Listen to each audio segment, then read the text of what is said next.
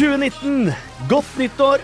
Det er et nytt år med nye muligheter, og endelig er det en vanlig podkast igjen. Eller det vil si, helt vanlig blir den ikke, for vi skal se litt bakover på året som har vært òg. Det betyr at vi skal kåre halvsesongens lag, overraskelser, skuffelser og masse annet. I tillegg så har jo overgangsvinduet åpnet seg, så vi tar en titt både på overganger og overgangsrykter.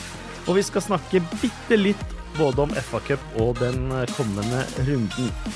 I tillegg så har Bill Edgar en meget imponerende Solskjær-rekord. Du forhåpentligvis ikke har hørt før i alle Solskjær-rekorder, i tillegg til litt annet eh, snacks også. Og til å snakke om alt dette, så har vi verdens beste B-lagsfyr. Er det Ja. lov å si nå? Tusen takk. Simons. Nei, jeg er, jo ikke, jeg er jo ikke den beste av oss engang i B-laget. Ikke i nærheten. Det er jo de andre som får skryt. De fleste har vel stemt på deg. Var ikke det en avstemning? Jeg er bare sånn derre indekstype som Jeg vet ikke. Som Verdens beste B-lagsindekstype? Ja, noe sånt. Det er de andre som er underholdende. Jeg er bare fyll, jeg, tror jeg, på det. B-laget. Ja. Da får det være fyll her også. Sti Simen Stamsø Møkker. Ja, møkker, ja. Det sto det i VG. VG er sterk. Er det det det heter? Ja, det er det jeg heter. I hvert fall nå. I tillegg så kommer det nå til å stå i VG at du var full på sending. Ja, det. Full og full, det er veldig liten forskjell. Så sto det, liten, det, det sto at jeg var satt ut av spill, for jeg hadde fått en tennisball i øyet. I, i, midt i planeten før jul. Har du gjort det? Nei. Jeg har fått en infeksjon i øyet. Via en tennisball? Nei. På ingen som helst måte. Det er det dårligste avsnittet jeg har sett i VG på lenge. Å ja. ja. Vi skal ikke kritisere VG, skal vi det, Erik? Jeg Ikke derfor vi er her. Vi er her for å være selvkritiske. Og jeg vil begynne med din åpningsmonolog. For jeg syns du var veldig optimistisk. Nye muligheter 2019. Nye muligheter òg for atomkrig. Vær klar over det, Ja. folkens. Men Donald har øh, fingeren på knappen. Alt kan skje. Har du noen godsaker liggende på lur i skapet, spis det nå før det er for seint. Men det er ikke sånn man skal hamstre. Fins det ikke sånn derre masse For det så jeg på et NRK-program her om sånne folk som eh, eh, hamstrer i tilfelle sånt skal skje. Ja, jeg, og jeg fikk til og med en mail for et eller annet greier nå, som, med en sånn liste over det du burde ha. O'boy. Ja. Oh da. Oh O'boy. Det, er O'boy, det er veldig lite O'boy i Ja. omløp. Ok. Så det må man Ne- hamstre. Neskvik, hvor, er det en konkurrent? Er det Det er en konkurrent. Jeg så TV2 Hjelper hadde jo en sånn eh, Hva er best av Nei, jo, Matkontrollen eller TV2 Hjelper hadde Hva er best av Nesquik og O'boy? Det er da en smakssak. Akkurat som at, det, at man trenger et sånt forbrukerprogram til å ja, Det ja. er objektivt. Ja. Og, ja, ob Nei, subjektivt. 100 objektivt. Jeg trodde at det var O'boy-krise. Eh, så jeg var på harryhandel nede på Nordby. Handla en sånn eh, to kilos eh, Du har leid trailer, hadde du to ikke det? kilos hjem med O'boy. Og kom hjem stolt og fornøyd til guttungen og bare 'Nå er det O'boy-krise. Jeg har kjøpt O'boy.' Hvor han kunne melde at det var i Sverige det var O'boy-krise, ikke i Norge.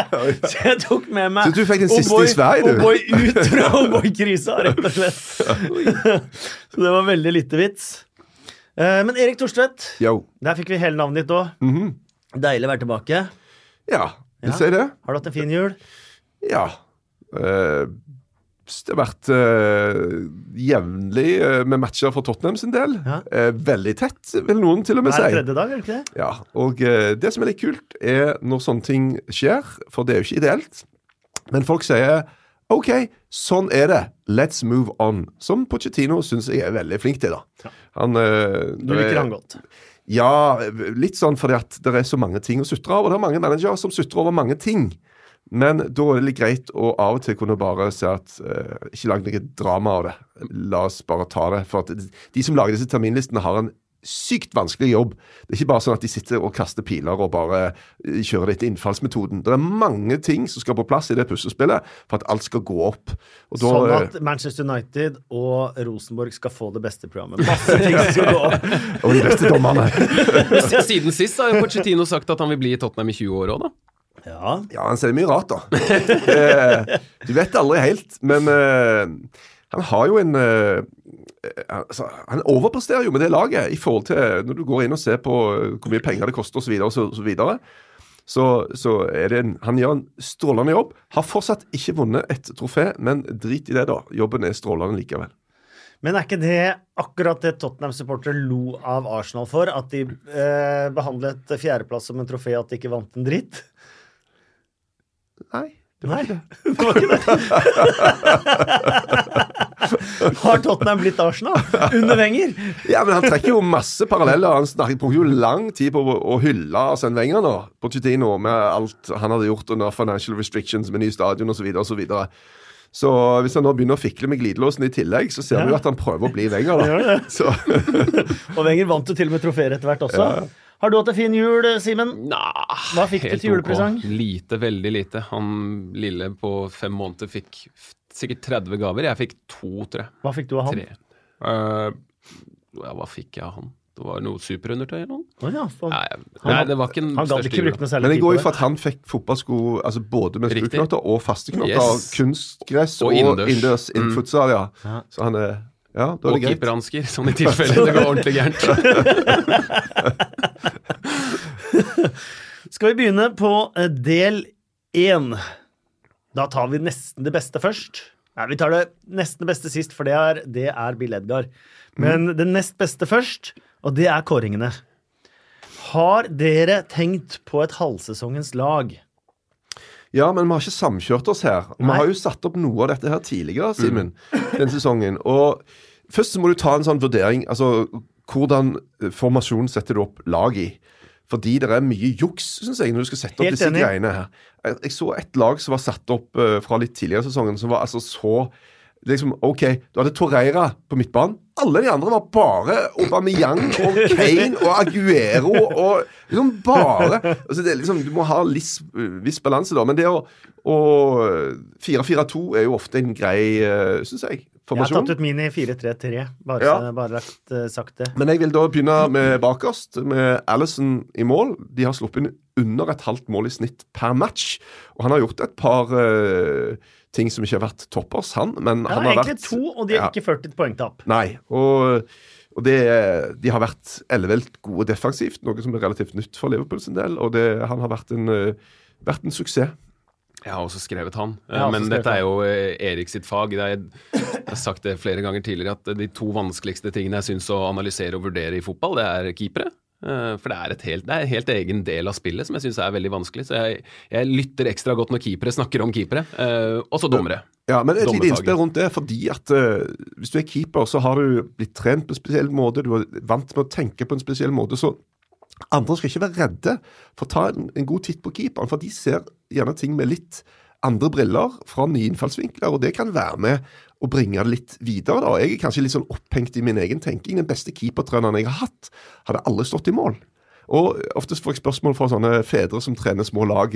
Hva skal jeg gjøre med keeperne? Men bare tenk, da. Altså, Prøv å bruke litt sånn fornuft. Hva gjør en keeper mest i løpet av en match? Jo, nå så bruker de jo mest beina. Må trene en del med det. Og så posisjonering og så litt sånne greier, da. Men eh, ikke la deg skremme.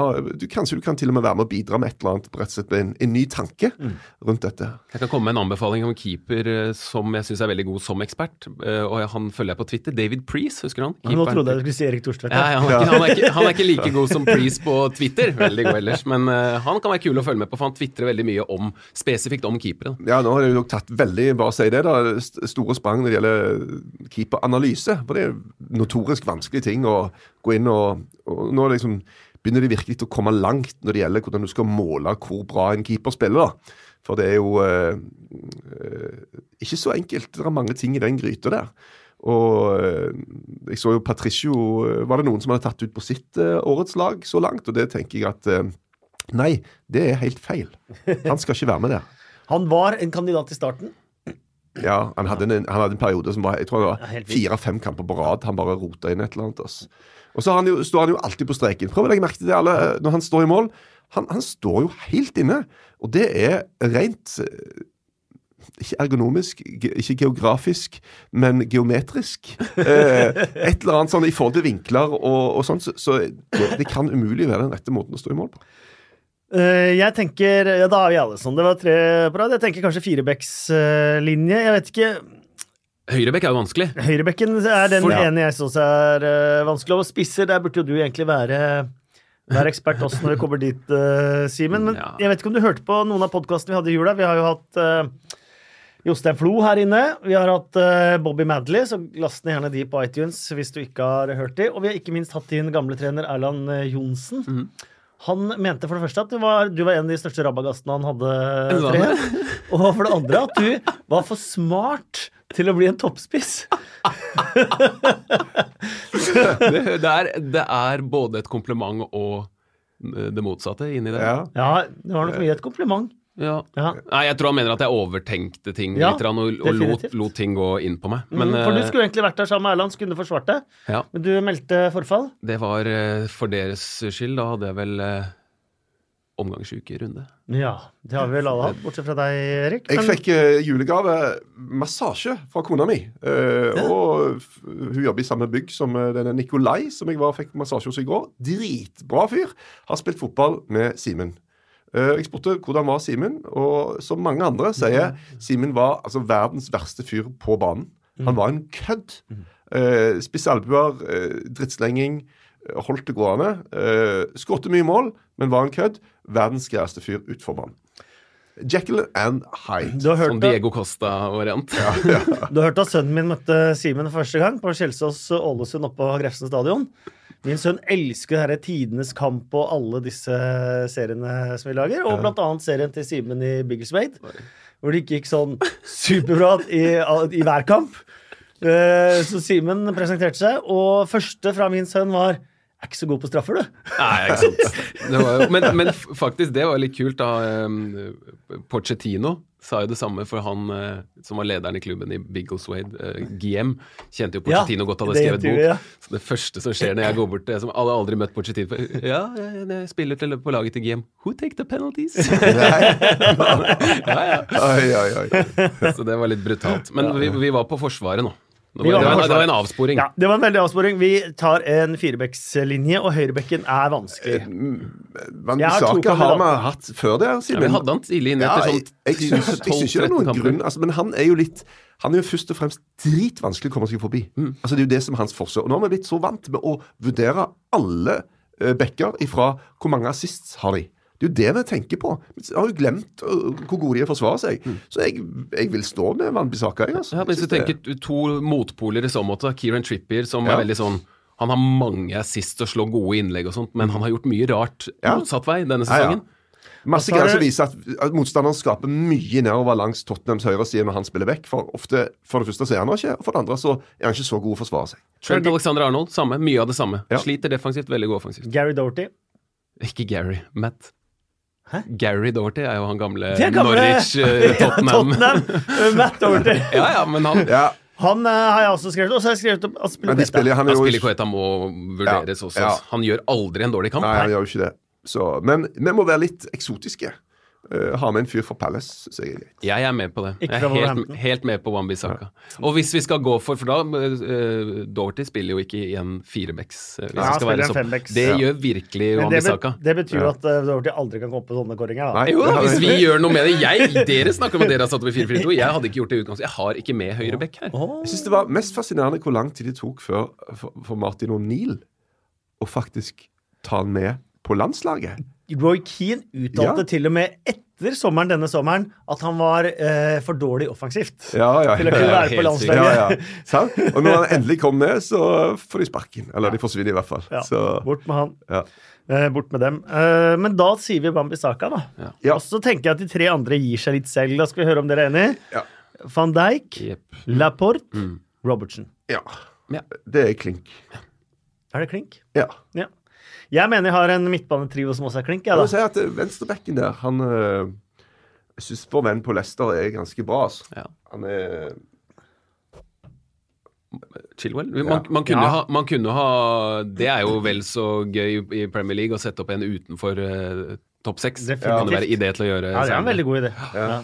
Eh, Da hadde Chilwell vært der. Ja, Men han, Robertson han, men Chilwell er en sånn type som jeg tenker mm, Han kan noen av de andre. Han er ung, han er dritgod. Altså, Han kan noen av de store klubbene plukke. Altså. Ja, det er mange, Ganske fort. Ja. det er mange, mange av de store klubbene har gode venstrebacker, men Arsenal for eksempel Mm. kan jo trenge en, og han Kolasinac gjør mye rart, han også. Ja. Og det som er artig med Chilwell, er at han spilte mye Lia Cup og FA Cup uten å spille Premier League. Ja. To sesonger holdt han vel på med det. Ja. Eh, og jeg klarte ikke å se at det der er en toppspiller i emning. Jeg syns han var Ja. så svak og veik ut. Ja. Eh, nesten hver eneste gang jeg så han. Eh, og så har han vært helt motsatt denne sesongen. Første match for sesongen. Hvem spilte de mot første match? Uh, Tapte. Spilte mot et topplag. Ja. Var det, var det United? Ja. Ja, Ja, første- det var det. Uh, kjempegod. Ja, fantastisk god. Fantastisk god var han. Det er helt, eh, helt sant. Men da uh, har vi Robertson men med en Chilwell som en bobler. ja Men Robertson er jo helt syk, Ja. altså. Altså. Hvor tar han energien fra? Det er bare helt sykt. Det var jo noe av det siste Mourinho sa som United-manager, var at han ble sliten av å se på Andy Robertson spille fotball. For han løp Ja. Litt sånn som Panserhagen ble sliten av å se skjellbredd. Skulle racke opp litt sånn ekstra, ekstra metere på den der eh, kilometertelleren når det var i innkast og sånn. um, da har vi en trio på midtbanen.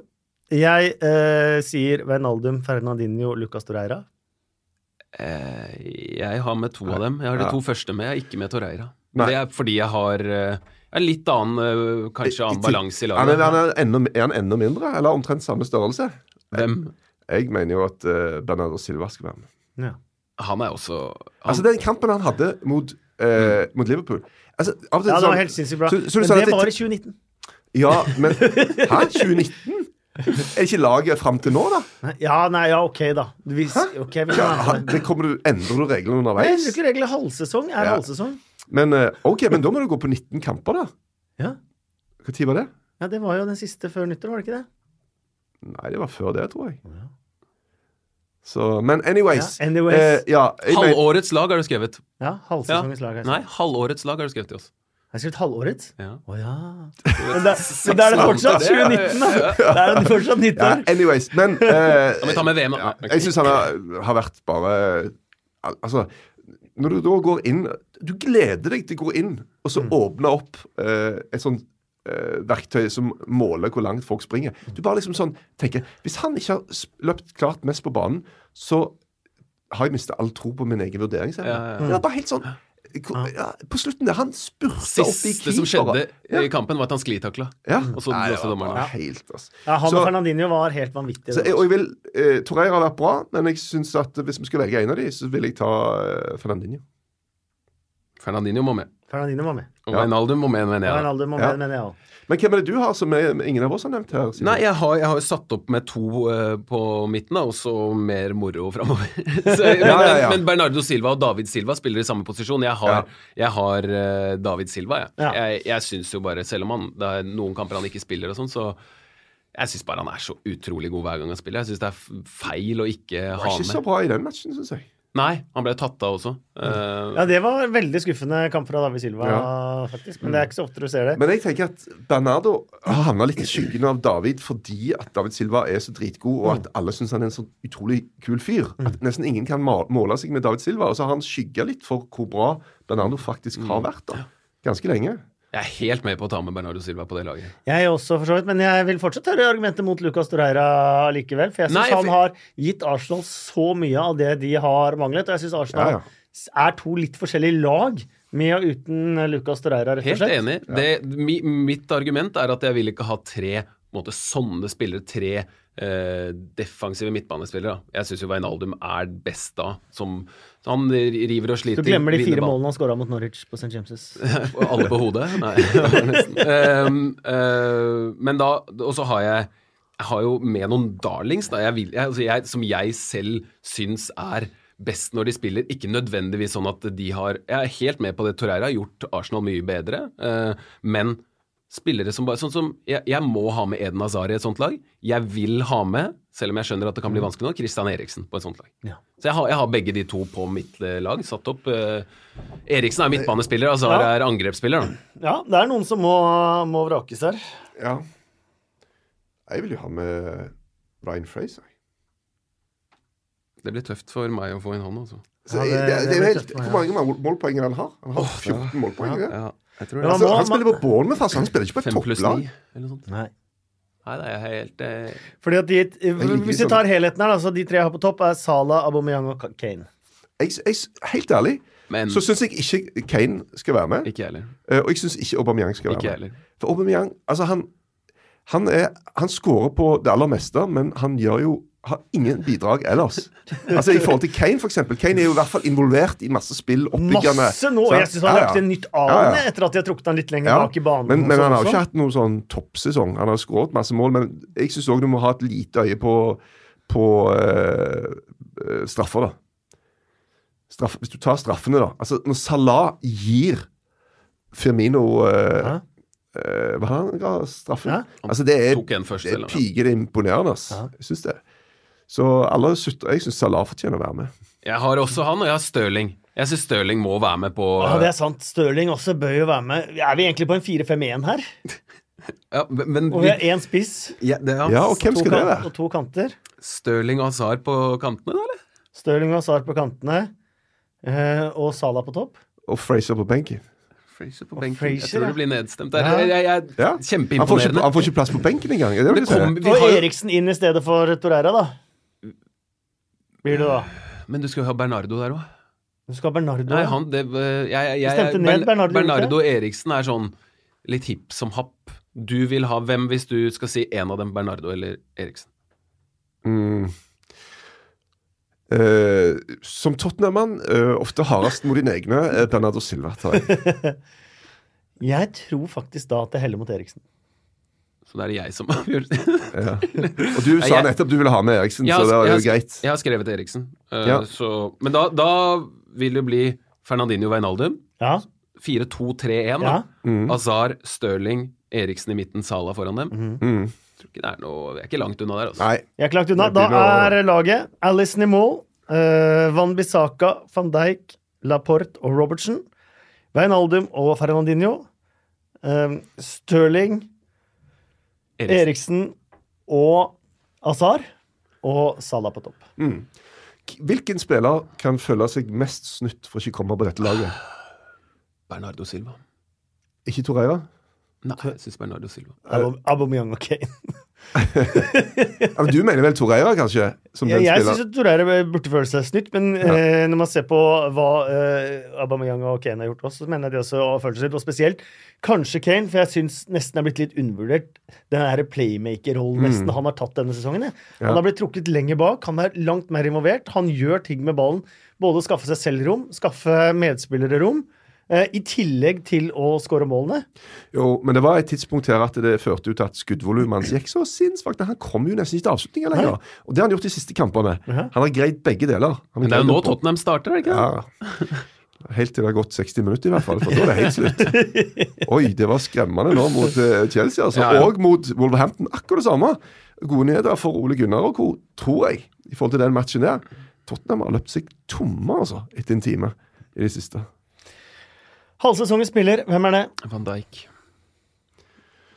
Jeg er med på van Dijk. Ja. Det er veldig vanskelig å argumentere mot den. Altså. Selv om vi kan si at vet du hva, i begynnelsen av sesongen så var Joe Gomez minst like god Ja. som van Men Dijk. er ikke han minst like god fordi han har van Dijk ved siden av seg?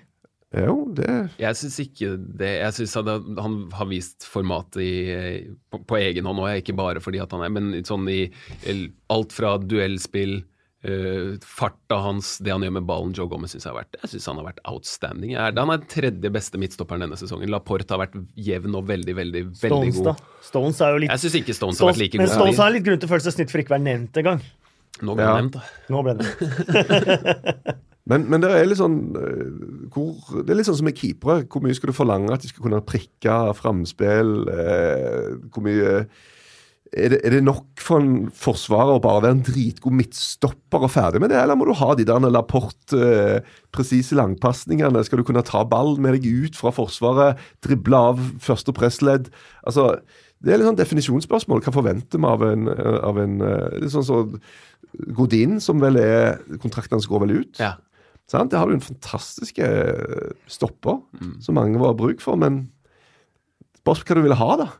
32 år og en forsvarer mer enn noe annet. Ja, det er sant. Van Dijk har jo alt. Ja. Han har jo absolutt alt. Mm. Og han har fått vist det og fått bruk for alt. Mm. Og jeg, altså, jeg er overraska over at han kan bli bedre og bedre. Altså, han har jo blitt bedre og bedre. Jeg er mer overraska over egentlig, og Da er det litt scouting, da, at man ikke tør, mange av de store klubbene, uh, tør ikke uh, ta de spillerne før de har vært gjennom mellomstasjonen. Uh, sånn Klopp gjorde det med Robertsen. Rett fra Hull. Eh, og har gjort Robertsen Robertson til eh, Ja, det er vi jo da enige om med dette laget her, til eh, Premier Leagues beste venstreback. Eh, men van Dijk eh, måtte innom Southampton. Uh, hvis vi skal innom en annen, Madison, innom Leicester for kommer til For å ta Hull, da. Mener du at noen andre burde prøvd seg på Maguire? Ikke sant? Uh, For han har jo et annet eksempel. På spillere som, uh, som de største klubbene, de, de tør ikke før de har vært gjennom en, eh, gjennom en mellomstasjon. Eh, og da tidobler prisen seg. Og det går jo det går rett på scouting og hva man Jo, men det går jo an å finne sykt mange eksempler på det motsatte, da. Ikke sykt. Ja, altså, de kjøper mye folk, ass. Og eh, noen ganger treffer du, noen ganger bommer du.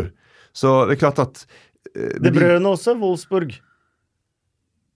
Ja, men, men Lukaku, West Bromwich og Everton. Du har Ja. veldig mange spillere som må gjennom den mellomstasjonen før anekdotisk de kommer bevis, til, toppklubbene. Kasper. Du til, bare eh, ramser opp noen, så går det an å gå litt dypere ned i materien og finne Det er spørsmål. Ja, men Det er min jobb det å sitte her og stille spørsmål til dere. Lukaku hadde jo vært i en toppklubb. De Brøne hadde jo vært i en toppklubb før det. Ja. Så de, har jo bare, de trengte jo bare å, å virkelig ordentlig komme i gang karrieren i en mindre klubb.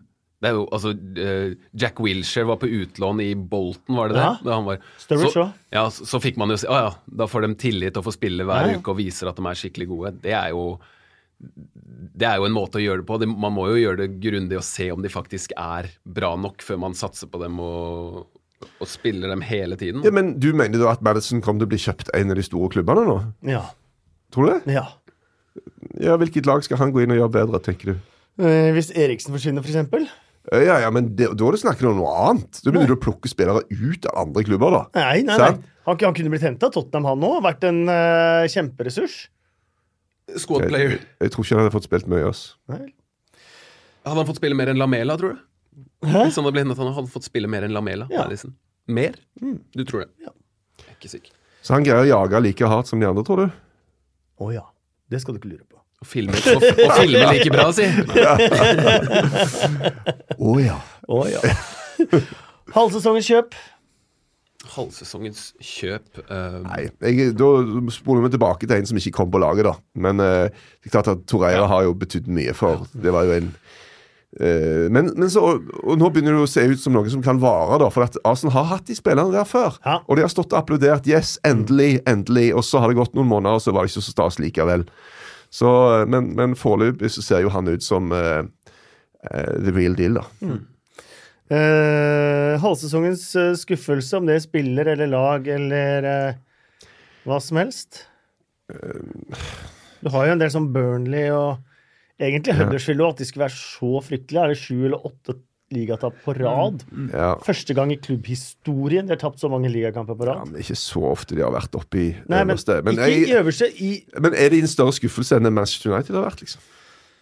ja, det er spørsmålet, da. Jeg syns Manchester United har vært eh, den største skuffelsen. Og det Manchester United fikk til fram til nå nylig, da. Altså, det har jo vært Det var jo Vi skulle jo ta var det så halvsesongen, Ja, da? helt Ja. eh, katastrofalt. Det, har det var jo fryktelig. De spilte jo så dårlig fotball, og folk det, Plutselig så man tomme seter på Old Trafford. Når så man det sist, liksom? Så det, jeg tror de fleste United-fansen eh, vil føle at det er feil hvis vi ikke nevner Manchester United som årets skuffelse. Ellers så går det an å Men han spørs om altså, Men eh, vi trodde det var litt nye lodder i gevinster. Men for meg er det sånn at Morata fortsatt ikke er på stell. Er, er en sånn For er det noe den klubben trenger, så er det en bra spiss. Altså, Det er jo, står jo bare og skriker. Og han har fått veldig mange muligheter. Og han har bare liksom ikke greid det. Så det er for meg en sånn litt nedtur. For at det laget der hadde vært mye bedre hvis de hadde fått en eh, spiss på plass som gjorde at Assad kunne eh, slappe å spille der han gjør nå. Um, så Fulham har jo vært skuffende også. ja, har. Fulham har vært fryktelig skuffende. Ja. Eh, hadde håpa Nå har Cézinho blitt litt bedre, men at han skulle jo, Han var jo kjempegod forrige sesong, Ja. og så har han Men ikke han var vært jo det denne ikke sesongen. så god som han ble hausa av. Han var kjempegod i forhold til alder. Ja. Eh, men det var spillere som var bedre enn han forrige sesong, selv om han ble kåra til årets spiller. F.eks. Ruben Neves, Ja. som jeg syns var klart bedre enn han forrige sesong. Mm. Neves og Madison har tatt Premier League bedre enn uh, Ja. Cézinho. Definitivt. Men de har hatt litt enklere arbeidsforhold, da. Par norske skuffelser. Ja. Uh, Stefan Johansen, som vi kan se på vei vekk. Og så må vi òg ta med Alexander Sørloth. For at eh, når han forsvinner nå, så er jeg stygt redd at det er ikke noen vei tilbake. Altså. Det når du nå Fikk jo sjansen i FA-cupen nå, Ja. da. Brant sjanser igjen. Når, når du blir sendt på lån til Belgia, og så Det skal mye til for at det der kommer en manager som tenker ja, men han der fyren vi har der i Belgia, han tror jeg vi skal satse på. Det, det blir nok tungt. Men eh, ja, det er litt rart han ikke tok et lån til Championship, kanskje, hvis det er virkelig engelsk fotball og Premier League-drømmen han ville følge. Mm. Han, det, han, man føler jo at han er en championship-spiss òg. Ja, Men, men tror, hadde han noe tilbud derfra, da? Nei, det vet jo ikke jeg. Nei, for at det er jo ikke så Altså Da skal du være rimelig trygg på at du henter en som går rett inn og gjør det bedre enn de du har. Og det er ikke sikkert at man ser på Alexander Sørloth som i den kategorien, liksom. Ja, men det er Så- mange lag der som trenger kanskje litt sånn type spiss. Ja. Ja, Nei, øh, halvsesongens overraskelse, der har jeg skrevet Watford, altså. Ja, jeg, jeg syns jo det meste har gått ganske som forventa. det er jo noen skuffelser og overraskelser, men da valgte jeg å snu det til eh, spillere. Spillere jeg har blitt overraska over. Vi har nevnt Doherty, vi har nevnt eh, Fraser. De er nummer tre og to. Men den som overraska meg mest, Moussa Sissoko. Ja. Han har vært altså, Ja, så god han har vært i det siste. Ja. Ja. Både uh, presspillet og det han gjør med ball, og det ser jo kaotisk ut, men han eh, er viktig for Tottenham. Veldig viktig, og det hadde jeg aldri trodd. Han og Porcettino, for å si. Ja, ja, ja. Definitivt. Det var jo mange som ikke forsto uh, i det hele tatt hvorfor han hadde så mye tillit til, men det har jo vist seg å fungere kjempebra. men det å jobbe med det man har, da. Det, er, der er jo et Fått beskjed fra prakteksempel. 18 måneder siden om at Tottenhams midtbane var Wings og Sissoko, liksom. Ja. Det, Ja, er, sant? det er bare sånn what? Og at det funker så bra. Det var vel de som spilte i den Cardiff-kampen, da de leda 3-0 til Den første omgangen der. Ja. Det er Sissoko var glimrende. Det er det, det beste jeg har sett. De spilte mot Cardiff. Det er det beste jeg har sett av Tottenham denne sesongen i en sånn type kamp. Alt var bare Helt rått. glimrende. Da går vi over på del to, hvis det ikke er noen kategorier som dere har eh, notert på notatene på mobiltelefonen deres. Mål! Ja. Uh, jeg husker ikke hvem det var mot engang, men jeg tror brikkene faller på plass når jeg uh, snakker om dette Arsenal-målet som var bare sånn klikk-klakk. Ja, altså, det. det var- ja. altså, ah. det Ja, går ikke an Jeg elsker sånne typer mål. da Ja. Det, De slår langskudd i krysset fra 30 meter syv dager i uka, sånn som jeg ser det i hvert fall. Ja, Jeg- ja, ja, la- lagmål og øh, Townsend, jeg må bare nevne det. For Ja. da jeg øh, så Ja. det på TV-en, Ja. da det skjedde, så bare Hæ? Når du sier 'hæ'? Ja. Hva Helt er det sant? Du gleder deg til reprisen. Du Ja. kunne egentlig bare sendt reprise og reprise og reprise igjen av det målet fram til pausen. Men er det fordi det er Townsend, eller er Nei. Christian Eriksens uh, mot Cardiff uh, egentlig nesten like bra? Det var han, øh, Ja, det er samme, nesten samme teknikk, og det er nesten samme Nei, det er ikke nærheten, føler jeg, da. Det er Nei. bare så sykt, det der Townsend-greiene. For det, Han ligger jo litt på sida, gjør han ikke det òg, Townsend? han Jo, skyter? Og så er det bare så ekstremt hardt. Ja. Altså. Hel volley. Det er et eller annet på det og hel volley som bare ah. De to måla der, i, fortsatt, i hver sin kategori, da, på en måte. Fortsatt ikke den beste i engelsk fotball. Der står jeg på at det er John McGinn. McGinn, ja, jeg er jo enig i det. Når det går, den går tverrlegger inn, gjør det ikke det? ja. Og du skrur nesten mer enn eh, Roberto Carlos inn på veien ja. mot målet der, og Ja. på volley. På volley ground. På, på volley new. Volley new. Eh, da går vi på del to. Eh, vi må en tur innom FA-cupen. Eh, igjen masse bomber, da, som kanskje ikke er så store bomber. At uh, Gillingham slår Cardiff. Det Det det, vel- det er lag nede i bånn der som ryker, da. Og det Ja. er jo gjerne ikke noe bomber. Når Nei. de er i dårlige utgangspunkter, og så bytter de litt folk i tillegg, så Gillingham slår Cardiff 1-0. Uh, jeg elsker at Neil Warnock er i ferd med å bli Neil Warnock igjen. Begynner å klage på dommere, klage på andre lag, klage på andre spillere. Man føler at det ulmer nå. Og i løpet av en deilig måned nå så kommer det det lokket bare til å sprette av kok. Da han drev før den Tottenham-matchen og snakka om at eh, de beste spiller med mm, Altså, det var et eh, stikk til Kane, at de beste spillerne får straffe lett osv. Mm. Pochettino burde komme seg videre. Og så får han den første omgangen i trynet. Syns jeg var så deilig, altså, uansett hvem de hadde spilt Og så mener han jo av en eller annen merkelig grunn at eh, Tottenham har spilt på Wembley ut sesongen. For det er visst en fordel for nedrykksrivalene å spille på nye White Hart Lane. ja, ja. ja, ja, nei, da er det mye å tenke på, gitt. Du skal begynne sånt, liksom. Så Nei, det var, men det tilta jo fullstendig for ham med det der eh, Nathaniel Klein-greiene. Det, det utlånet der, eh, som han trodde han hadde i boks. Ja. Um, og så enda han jo også i Bournemouth istedenfor. Og da var det jo rullegardin fullstendig. Vi sto uh, før Cardiff Manchester United. Så sto vi i spillertunnelen før kamp. Um, Ingrid Halstensen, eh, Brede Hangeland og jeg. Tenkte kanskje kunne si hei til Solskjær. Uh, Brede henta ut Neil Etheridge, keeperen til Cardiff, som var lagkompis med Fulham. Som kom ut og tok fem minutter for å fortelle litt om kampplanen og, og sånt noe. Og så var jo selvfølgelig å si hei til Neil Warnock. Eh, si hei til Neil Warnock, og kanskje få par ord om innsikten, hvordan de eh, tenkte. Eh, Neil Warnock var jo da manageren til Brede i eh, Crystal Palace i et halvt år eller noe sånt noe. Eh, og var jo også da bare ja, du er kapteinen min, og du er viktig for at jeg skal beholde jobben. Og han var veldig sånn på Brede. Eh, og så går han først forbi da, til intervjuet sitt. Da ser han ikke eh, Brede. Så tenker Brede og vi andre at da stopper du Warnock på vei tilbake, på vei inn i garderoben igjen. Så Brede tar et steg ut når Warnock kommer tilbake. Uh, sier 'Hei, Neil! Hei!' Hvor Neil, Warnock, bare tar hånda til Brede. Bare 'All the best, son'. Og så bare gikk han videre. Han kjente ikke igjen sin to meter høye kaptein. Brede mente at han er i ferd med å bli senil. Ja, men eh, Og det er noen som mener at han er uh, manager of the year i Premier League. At han rett og slett med det utgangspunktet Hvis han greier å berge det der samla laget der, ass, Ja. det, det er jo en prestasjon. Men det snakka vi litt om før sesongen òg, at det som er interessant å se, er jo når alle lag etter hvert spiller med små midtstoppere, skal spille hele veien, og så få se den totale motsatsen, da. Sol Bamba. Ja, uansett hva slags egentlig spillere som står på motsatt side, men du får langballer, du får mann mot mann på hele banen, du får eh, duellspillet og alt det der. Om det kanskje faktisk kan gi seg det utslaget at de får såpass mange poeng at de, de klarer seg, da.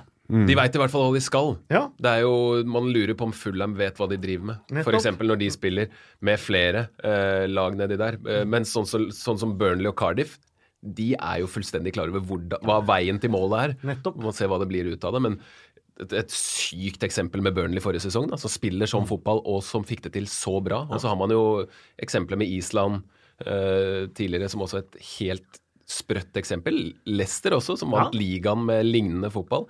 Så nei, men det er jo eh, Det er jo sånn de må gjøre det, og det Definitivt. ser og det er jo bra spennende å se. Mm. forskjellige spiller, mm. spillestiler mot hverandre også. Og det er jo ingen steder man ser eh, større kontraster enn i Premier League akkurat nå. Den kampen f.eks. Uh, Manchester City mot Chelsea. Aldri sett noe så lite engelsk. Når de drev og uh, Spillet foregikk, altså oppbyggende spillet til Chelsea og City foregikk liksom nede ved eget cornerflagg. På død og liv. Det var sånn, Ja. er så langt unna hvis man ser Burnley Cardiff. da. Ja. Uh, vi hadde Accrington mot eh, Ipswich 1-0. Fulham mot Oldham 1-2. Fryktelig. Uh, Fulham tok til og med ledelsen på hjemmebane og taper 1-2. Uh, helt, helt sjanseløst. Sheffield United fra Championship mot Barnet midt på tabellen i Conference, eller National League som det heter nå. Femte nivå. Barnet vant 1-0. Newport slo Leicester 2-1, og Wolves slo Liverpool 2-1. Jeg må fortelle hva jeg gjorde i helga. Ja. Jeg var jo på en uh, tur og så tredje runde i FA-cupen, og må bare si at eh, jeg, jeg har en, en sånn tur i året med tre kompiser. Um, og det er liksom aldri aktuelt å se Norwich, for det har man på en måte opplevd. Det er jo å oppleve nye ting. Så Norwich Portsmouth var aldri liksom på, uh, på agendaen, men vi var på Tranmere Tottenham. Fantastisk opplevelse. Man kan kalle det smalt, eller man kan kalle det hva som helst. Men det er altså den største kampen til Tranmere på over 20 år. Det var 15 000 tilskuere. Fullt på Prenton Park. Svær stadion. Eh, fantastisk atmosfære. Var på nesten den rake motsetningen i Accrington. En stadion som tar mellom 4000 og 5000. Sto på ståtribuna bak mål der. Fantastisk sånn imøtekommenhet, gjestfrihet. Tatt inn der egentlig overalt. Hilste på klubbdirektøren og tok en øl liksom med han. og Uh, og den opplevelsen der også, når de slår ut Ipswich. Og så var vi da Vi skulle egentlig på Walking Watford, fikk ikke tak i billetter, så det ble Fulham uh, mot Oldham. Men det livet også Oldham skapte på Cramer Cottage, helt full bortesving, det tror jeg ikke de har opplevd på Cram Cottage på lang, lang tid. Altså helt vill stemning eh, de, de lagde der. Um, så det jeg egentlig anbefaler, hvis du på en måte er Liverpool eller eh, Manchester United eller Tottenham eller et eller annet at du legger inn en annen match ikke tenker at dette er smalt eller rart eller eh, et eller annet. For det syns jeg nesten er den beste med engelsk fotball. Den enorme bredden. Svære stadioner ned i, på femte nivå. Alle med en egen fotballkultur, egen sjel, egen atmosfære. Og oppleve det. Eller egentlig bare dra en tur hvor du driter i ditt eget favorittlag eh, og opplever noe annet ved engelsk fotball. Da. For jeg tror mange vil bli overraska over eh, hvor bra det er. da. Mm. Du har spilt rundt mange av disse arenaene nå. Altså før ah, de fleste arenaene, i hvert fall i Premier League, ble sånne plastikkboller. Mm. Men jeg husker, jeg så sabla dårlig på å huske sånne lag du har spilt mot nedover divisjonene. Det er litt irriterende. Men det var jo Altså, du kom inn enkelte steder, og det var jo for eksempel ikke dusj. Mm. Altså, det var ikke dusj. Bare badekar. Bare et sånt svært kar som alle gikk oppi. Og der sitter du da gjørmete og fæl og der under der og vasker håret og holder på med dette greiene. Ganske sykt. Jeg har altså. sett bilder fra det. Det var jo aldri sånn at du kunne se tissen din gjennom vannet. For det var jo helt brunt vann. Snakk for deg sjøl. ja, nei, det var, det var helt sykt, altså. Men det, vet du når jeg kjøpte hus i England jeg flyttet, så var det jo Så kjøpte, kjøpte du bare med badekar uten dusj. Nei, men det var heldekkende teppe på toalettet. Ja. Og det teppet gikk til og med opp langs kanten på badekaret.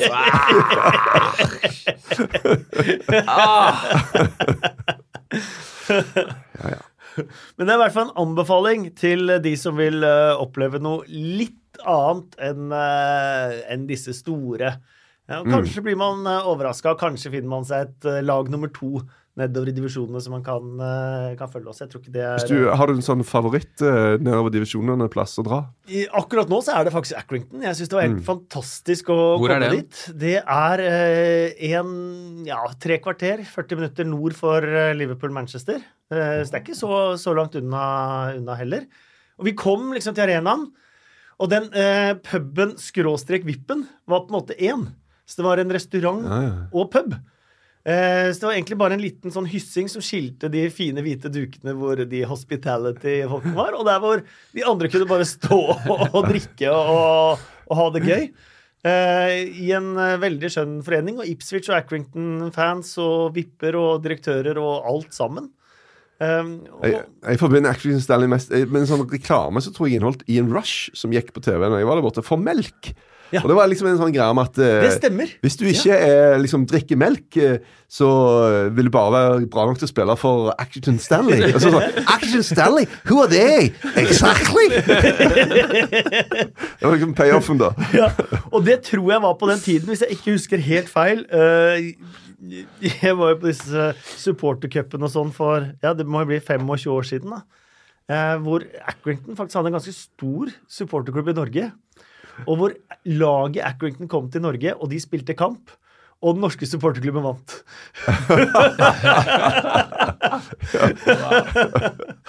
Men ikke glem at Accrington er en av Original 12.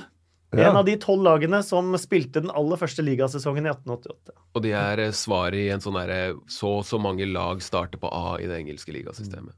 Vet ikke hvor mange det er. Det vet du sikkert. Fantastisk eh, sted, men vi har vært eh, Newport har vi vært. Veldig gøy å se bilder fra Newport da de slo Leicester. Vi har vært i Cambridge, Peterborough, eh, Colchester rundt om på disse turene. Luton var bra. Portsmouth var fantastisk. Eh, Jeg har vært i Lincoln, men jeg så ikke kamp. Men jeg var der før de, de slo ut Burnley Ja. borte forrige sesong. Så, så, så trakk de Arsenal eh, borte. Typisk i, i eh, omgangen etterpå, tror jeg det var. Ja. Men det var utrolig fett å være der. Det var også sånn skikkelig bra stadion. da. Vi var på trening og så gjestfrie Mm. og bare kom inn og være film, trening og hvem, Uansett hvem man ville prate med, kunne få bort og, og, og snakke med, så var jeg med på en sånn Det hadde du likt å være med på. Eh, jeg, det, det ble litt, jeg har jo ikke så god peiling på det, men det var en sånn BBC non-league-podkast. Et sånt radioprogramgreie som ringte meg da mens jeg satt og ja, norsk TV er i linken, hvorfor i alle dager det, da? Så måtte jeg prøve å forklare det, men uh, det var utrolig kult å se åssen de mobiliserer rundt FA-cupen, for det var jo FA-cupen. De har jo gjort det fantastisk bra med to brødre som managere. Cowley-brødrene. Cowley-brødrene, ja. Uh, så jeg var veldig skuffa over at Lincoln trakk bortekamp mot Everton i runden her, for Lincoln var faktisk en av de stedene som står veldig høyt på, på ønskelista mi. Eh, de leverte kjempebra, og de var vel 5000 bortesupportere på Goodison Park, som lagde et fantastisk liv. Så man kan gjerne snakke om uh, små klubber og at det er bredde og at det er smalt og alt mulig. Men vis meg en norsk klubb som kan uh, dra 5000 i bortefølge ganske et lite stykke i en uh, cupkamp, altså. Det er ikke mange. Så så smalt og bredde er det ikke, men fantastiske eh, opplevelser er det. Så det er en varm anbefaling. Eh, evig diskusjon dette med å hvile spillere, og spesielt for de lagene som ikke kjemper om eh, ligamesterskap, Champions League eller nedrykk. Leicester får gjennomgå hver eneste gang. Samtidig så føler jeg den Det som ikke kommer bra nok fram med den diskusjonen Vi skal ikke ta en lang diskusjon på, på det. det er jo at Claude Poel sendte ut et lag som skal slå Newport ti av ti ganger uansett. Ja. Og burde vært trygg på det. Ja, helt enig. Det er en sånn greie om at du tenker der er, Leicester, Gå gjennom stallen til Leicester. Der er det mange spillere altså, som er koster mye penger og eh, tjener masse penger og spiller ikke veldig mye. Og Du skulle jo tro at når de da får sjansen, så er de ikke så desillusjonerte for tilværelsen at de faktisk greier å mobilisere bitte litt. Og Hvis de da ikke gjør det, så, så kan vi ikke bare se at manageren er et rævhold. Nei, jeg er helt enig. Eh, Solskjær rett til Dubai etter seieren mot uh, Reading med sitt Manchester United. Er det greit? Å reise til Dubai Ja. altså, Hvis du skal begynne sånn, så er det bare sånn Du kan ikke reise til Norge engang pga. hvalfangsten. Altså, det er så mye greier. Altså, Ja, men altså ja, men Du kan ikke sammenligne hvalfangst med å fengsle homofile og fengsle eh, folk som er kritiske til regimet. Men, men når, når jeg vokste opp, så var VM i Stavanger Russland, da. Stavanger, ja, Stavanger var vennskapsby med Harlow, som ligger rett i nærheten av der jeg bodde i England. Glenn Hoddle er født i Harlow. Eh, eh, men der eh, på en måte plutselig så ble Norge vraka som vennskapsby. da. Fikk ikke være vennskapsby av hvalfangsten. Å. Ja, ja, Ja. Det var nok. Ut med dere. Ja. Så Vi kan alltid finne mye greier, da. Og hvis du Men noen sånn, så er greier det er verre enn andre, er det ja, ikke men det? da? skal vi bare eksempel med VM, da. Skal, er det bare Sveits som skal kunne arrangere VM? Altså, Er det ikke det noe handler det ikke om å bringe litt ut, da? At andre steder og Jo, men Det er en veldig vanskelig sak. Det er masse ting som vi kan eh, ta tak i, og masse ting som er feil. Og, men men vi, kan, vi kan jo liksom sitte sånn overalt. da tar jeg selvkritikk på spørsmålet, da. Ja. Eh, om det er greit å dra til Dubai, og om man kan finne, finne mange steder det er noe, noe feil med, så er det nå en verdens største klubb som drar til et sted som fengsler homofile, som fengsler f.eks. kritikere til regimet, andre ting, eh, og som aktivt bruker eh, store klubber, eh, bloggere, andre, til å hvitvaske sitt eget regime ved at de poster ekstremt mye positive ting eh, om det stedet. At det er fantastisk å være der, det er fantastisk utsikt, det er fantastisk shopping, det er fantastiske muligheter. Eh, så er det greit å dra til Dubai og også drive aktiv promotering av det stedet, sånn som Manchester United gjør på sin egen TV-kanal og i sosiale medier.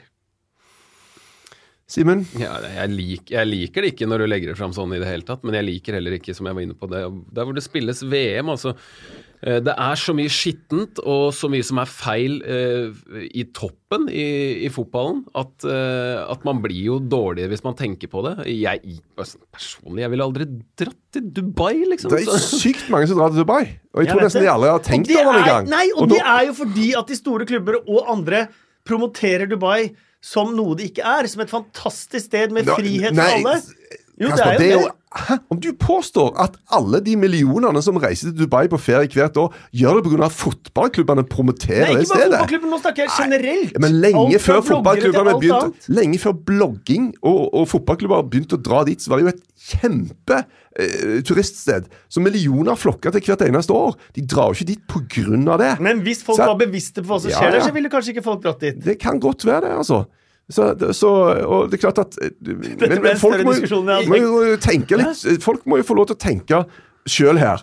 Eh, men jeg tror jo ofte at de kommer ikke bra ut av det. Fordi når et fotballag gjør dette her, så blir det så mye sånn antireaksjoner. At det blir mest oppmerksomhet rundt det. Alle disse som arrangerer store det store- Det har ikke vært Ja. veldig mange kritiske saker på Manchester United at de er der. Nei, men det blir kritiske saker mot regimet, da. Ja, har det vært mange det er? For eksempel Qatar. Har de fått veldig mye god PR pga. at de skal arrangere VM? Overhodet ikke. Det har jo vært så mye kritikk mot Qatar. Så jeg, jeg, Russland, de skulle arrangere eh, OL. Masse greier. Brasil Militæret dreper folk i favelaen. Altså, altså, så alle blir gjennomgått med lupa Altså. Så jeg tror ofte de kommer mye dårligere ut av det enn det som var meninga i utgangspunktet. Altså, alle burde dratt til Norge, da, og treningsleir her. Nei, men Ja, altså, Riki Riski dro jo ikke noe med, med Finland, for at han tok et bevisst valg. eh, Vi har hatt norske klubber som har eh, avlyst treningsleir til ja, Dubai. Rosenborg gjorde det. Ja, FCK nå har sagt at de må dra til Dubai nå, for det er kontraktsfestet. Men når den kontrakten er ute, så kommer de ikke til å dra tilbake til Dubai. Eh, Så det går jo an å ta bevisste valg her. Yes, men hvor går grensa for hva for, nå, nå snakker du om individer, da. Hva en enkelt mener er feil. Så vil jo kanskje noen mene at det ville vært feil å dra til Spania, fordi der pisser de på demokrati, da. Det er, Ja, ja. Noen vil jo mene det. ja absolutt. Og ja, det er jo et, Dubai er et ganske ekstremt tilfelle, så jeg syns det, det Det er en eller annen sånn bismak der et eller annet sted, men jeg klarer ikke å Jeg føler meg maktesløs som Jeg syns det er vanskelig å si Jeg kan si jeg syns det er feil, jeg syns det, er- det ser gærent ut at de er i Dubai. Spesielt når du sier som du gjør, og det stemmer jo alt det du sier. Så, så er det gærent, men VM i Qatar, det er, det er så mye Smaker vondt, det også. det er my mye vondere enn akkurat det at de drar på treningsleir til Dubai. Wayne Hennessy var med å slå Ja, ja. eh, Liverpool i eh, FA-cupen. Dro ut eh, på byen bl.a. med tyske Max Meyer. Ble avbildet der det ser ut som han gjør en nazihilsen, med fingrene under nesa og armen rett ut. Unnskyldningen var at de hadde holdt på så lenge med å ta dette bildet at uh, han uh, skulle si ifra at 'get on with it' med disse to armene sine. Er dette tidenes dårligste unnskyldning? Ja, men, men altså, Hvis han hadde vært tiltalt i en rettssak for å gjøre nazihilsen eh, Det hadde vært Verdens dårligste advokat kunne jo fått han frikjent. Altså, seriøst. Noe sånt kan jo skje. Ja. Jeg sier ikke at de gjorde det i dette tilfellet, det kan være at det er verdens dårlig. Men hvis du, altså, når jeg så på det bildet, så tenkte jeg er det en nazihilsen? Jeg greide ikke helt å Ja, ja, kanskje det er det, da. Hvordan noen greide å spotte det? bare sånn what? Eh, så eh, jeg tenker at det der er jo eh, ja, Men er, går det ikke an å si eh, Hvis man skal legge La han få litt tvil til gode, da. eh, og så si at det kan være sant at unnskyldningen Ikke bare unnskylder meg at det er sant. Men hvis det ikke er det, går det ikke an å bare si Vet du hva? eh, jeg kødda med Max Meyer, som er tysk. Eh, det var usmakelig av meg. Jeg beklager så mye. Går ikke det an å si? Det går an å si, men kommet det, det, med det da. jo, men det kan hende at han hadde fått Nei, men seriøst, det kan hende at han hadde fått blitt straffa for det. da. Det kan hende. Ja, ja, ja. men hadde han ikke kommet bedre ut av det likevel? Ja, jo, jo. Det, jo. Det er en veldig rar unnskyldning. hvert fall nå når han ikke spiller. Fått, uh, Men det var jo altså, Det er jo ikke så mange år siden egentlig disse prinsene Hva det heter Ja, Harry hadde jo Stilte opp i en eh, naziuniform i et uh, karneval. Ja. Så, så det går jo på Altså, Du skal ikke gjøre nazihilsen, og jeg sliter med å se at det faktisk er det. Tviler ikke på at han gjorde det. Det er jo uh, typisk i fotballklubb at sånne ting skjer. Men, men han kan ikke tas på grunnlag av de greiene der. For det kan faktisk være at han bare drev og vifta med armene, og så blir bildet akkurat tatt i det det, øyeblikk. er det bra at det ikke var sosiale medier på din tid, i Tottenham f.eks.? Ja, det Det kan du godt si. Det tror jeg kan være ei bra greie, altså. Så, men, men det er jo veldig vanskelig dette med politisk korrekthet, da.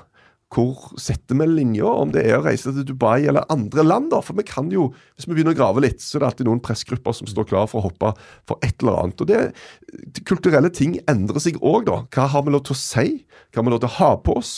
Hva, hvordan har vi lov til å oppføre oss? Og det må vi være, forholde oss til. At det, dette, det som var greit for ti år siden, er ikke sikkert det er greit nå. Men i disse overgangsfasene så er det ofte veldig vanskelig å vite hvordan vi skal forholde oss til dette. her, sant? Eh, kulturell appropriasjon, som jo handler om så Moteverden er jo kjempetrøbbel. For at når de driver og henter plagg og inntrykk og, og, og utseender fra andre kulturer, så er det plutselig ikke lov. For at da er det på en måte Da pisser du litt på andre kulturer. da. Det De har jo alltid gjort det i mote. De har alltid miksa og triksa og satt sammen. Men nei da, nå står de midt oppi denne sabla eh, bålet da, som brenner. Hva de har lov til og ikke lov til. Det kommer jo ikke til å det Nei, det er jo absolutt det er veldig gode innspill. Og man, man må jo forandre hele måten å drive journalistikk, eller fotballjournalistikk på, da, hvis man skal komme sånne ting som vi har snakka om nå i et kvarter til livs. da. Uh, fotball er showbusiness, og hvis man skal uh, virkelig ta et oppgjør med alt det vi snakker om, om det er Dubai eller nazihilsener eller hva det er, så må det jo faktisk uh, Folk går inn på The Sun og Daily Mail, og det er, det er der folk leser om fotball. Og det er der uh, folk, veldig mange engelskmenn, da, konsumerer eh, journalistikk. Altså, det kommer jo ikke til å Først når Det er, det er et samfunnsspørsmål, og eh, det, det kommer ikke til å gå den veien at alle går sammen og tar grep og fikser dette her. Det kommer ikke til å skje. Det blir, det er, det er, folk leser The Sun og Daily Mail og all den dritten her, og, og sånn kommer det fortsatt til å være. Eh, jeg leste også nå hva var det mm, en, eh, en av disse drittavisene som skrev om eh, at i England så hadde de tatt en, en kjent engelsk profil for bruk av kokain. Ja. Og det er jo sånn som, sånn som også dukker opp der. Det er jo også alvorlig. Men før eh, det blir mer enn rykter og sånn som de avisene kommer med, så får man, man, får ikke, man får ikke gjort noe med det. Man får ikke eh, tatt det skikkelig. Og jeg har ingen tro på at sånne ting kommer til å ordne seg. Hvis man går inn og sjekker hvor alle de store klubbene henter pengene sine fra, hvor kommer den friske kapitalen fra, hvor, hvilke metoder bruker de ned mot de andre klubbene, så er det stygt. Det er så mye stygt. Men det kommer til å fortsette sånn, dessverre. Definitivt. Eh, Vi går en kjapp tur innom eh, kampen i går. Tottenham slo Chelsea 1-0. Chelsea var bra. Chelsea var bra. VAR kom eh, inn i bildet, men ut på pressekonferansen så kom Chelsea-manager Sarri med sin egen laptop og med Chelseas analyseverktøy, hvor han kunne bevise at VAR tok feil, og at det var offside. Han kunne jo ikke det. Vinkelen der var jo sånn Jeg, jeg så det bildet på mobilen. Vinkelen så ut som om det var litt, litt fra venstre. Men streken på Sarris ser ut som den går eh, parallelt med gressfargeforandringen, da. Ja. Men så du der eh, at det var Der er jo, Offside? der er jo Kenny offside. Han, han lener seg litt inn, Ja. og så er den streken Så overkroppen hans er på en måte Ja, over streken. Ja, og den streken er tjukkere. Den var det, tjukkere på det bildet som, som Sarri eh, hadde med, men det er, i, den, i den teknologien Det er noen feilmarginer der. Jeg tenker også på, på Stones. Eh, klarering på Etihad. Det var snakk om 11 millimeter. Hawkeye i tennis. Eh, der har de en feilmargin på 5% av ballens diameter. Det er noe sånn 3 millimeter eller noe sånt. Hvis man øker det til en fotball, så er det 11 millimeter. Ja. Så, men, men der går det jo litt fortere, så Ja. antagelig så er det et litt større feilmargin i fotball. Men eh, det fins jo helt sikkert eh, feil her. Og jeg har sett eh, både i tennis og fotball eh, flere bilder hvor jeg er veldig sånn Å ja, nei, men det der er jo faktisk ikke riktig. Men jeg var litt usikker på om den var helt fasit, akkurat den kameravinkelen på Chelsea. Men det er godt mulig jeg tar, eh, tar feil at jeg så det på mobilen, at det var for dårlig. ja, jeg bare stiller spørsmål igjen, da. Ja, altså, jeg mener jo at eh, Jeg reagerte litt i går når på en måte det blir uh, Altså det blir sagt at ja, dette er jo uh, Viser at avgjørelsen er korrekt, fordi den tar jo opp føttene. Den tar jo ikke den kroppsdelen som du kan score med, som jo er gjerne hodet hvis du lender deg inn. da. Så det var veldig vanskelig å konkludere ut ifra akkurat det bildet. Og så er det dette med òg Nå stopper du bildet. For at når, når en fot treffer en ball, så er det bare Altså, nå fryser du bildet, da. Ja. Det er ofte eh, Og det, det, det er overraskende hvor stor forskjell det gjør. Hvor mye spilleren beveger seg i løpet av et spark. Ja, I hvert fall hvis én går ut og én går Ja, inn, og ja, full speed. Ja, Så, absolutt. så hvis Sarri kommer, har han stoppa bildet på nøyaktig samme tid som det andre bildet? Ikke sant? Sant? Så- Og, og kameravinkel Altså, kamera må jo være rett over Det må jo det være rett over der hvor det skjer, for at man skal ha fasit. Helt klink fasit, med, uten at man tar i betraktning at de lener seg. Da ser man jo at de lener seg inn med, med hodet og sånt. Vi hadde en rar greie her, på, bare for å illustrere hvor vanskelig dette kan være. En sånn, det var ikke annet enn om, om ballen gikk eh, til corner eller ei. Eh, det var et skudd som jeg mente gikk innom en. Når vi ser det i slow motion, så ser det jo sånn ut. Og så ser vi det i sånn super slow motion. Så så klokkeklart han ikke Nei, han er ikke borti. Bare sånn, Hæ? Er det noen piksler som mangler her? Er det, eh, har de fjerna akkurat der han topper? Nei. Det var bare helt rart, altså. Det rota med min skalle, i hvert fall. Da ble jeg veldig forvirra. Hvordan de to ulike greiene kunne bare vise rett og slett forskjellige ting. Den redningen til Ruddy på Ja. på Shakiri sitt Oi, frispark. At man også det var, Der var det flere vinkler. Man bare Er han borti eh, Ja. Og instinktivt så tenkte jeg han redder. Men så man så på slowene, så ble jeg mer usikker. Bare, det, er, det, er, det er mye, og det er jeg, jeg er helt sikker på at det kommer til å komme mange sånne. Det, det skjer jo ofte i, i de ligaene hvor de har i Tyskland, i Spania, i Italia. Sett, jeg har sett feil, og det kommer man til å se i Premier League, og da kommer det til å ta fullstendig av. It's a Vars her allerede. Inne i favoritter på, på de som lager titler i engelske aviser. Vi går på del tre. eh, overganger. Eh, Vi har vært så vidt innom at Alexander Sørloth forlater eh, Crystal Palace på lån til eh, Gent. Stefan Johansen virker vel eh, godt på vei bort fra Fulham etter at Ranieri kom.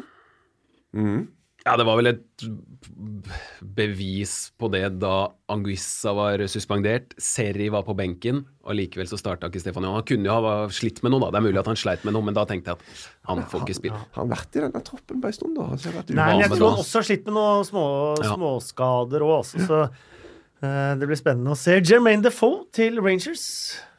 Det var et bomkjøp, ass. Og det var det mange som sa. Eh, Jeg forsto ingenting av det kjøpet der. Eh, Mye skryt til Eddie Howe, uh, men han har òg en del Han har det. bommer, altså. Mm. Og den der var Han, ikke det at han, han, kostet, altså han tjente i formue. Mm. Jeg tror han hadde i hvert fall 130 000 pund i uka. da. Det er mye altså for en klubb som Bournemouth. Mm. Så eh, Nei uh, Så hvis han skal få skåret litt mer mål, og litt sånt, så er det beste å bare få han av gårde. Men med Steven Davis tilbake i Rangers og Jermaine Defoe, så er Gerard i ferd med å bygge et lag som kan utfordre Celtic. Vant i Old Firm også 1-0. Jeg syns Steven Davis er veldig god. Jeg har alltid Ja, likt han godt. Og i Skottsligaen må han jo Ja, ja. Ja, Det er imponerende av uh, den jobben som han har uh, gjort der oppe, altså. Jeg må si det. Ja. Det er for at jeg leste en sånn artikkel som så sa liksom at det Yeah, right. Altså, Du må ikke finne på det. Altså, De er så langt bak Celtic at det er bare sånn sjanseløst. Det kommer til å ta fem år. Det er bare kaos i hele klubben. Og Så drar han opp, og så får han det på plass Ja. ganske kjapt. altså. Ja, Det er imponerende. Eh, Bournemouth de henta Dominic Solanki.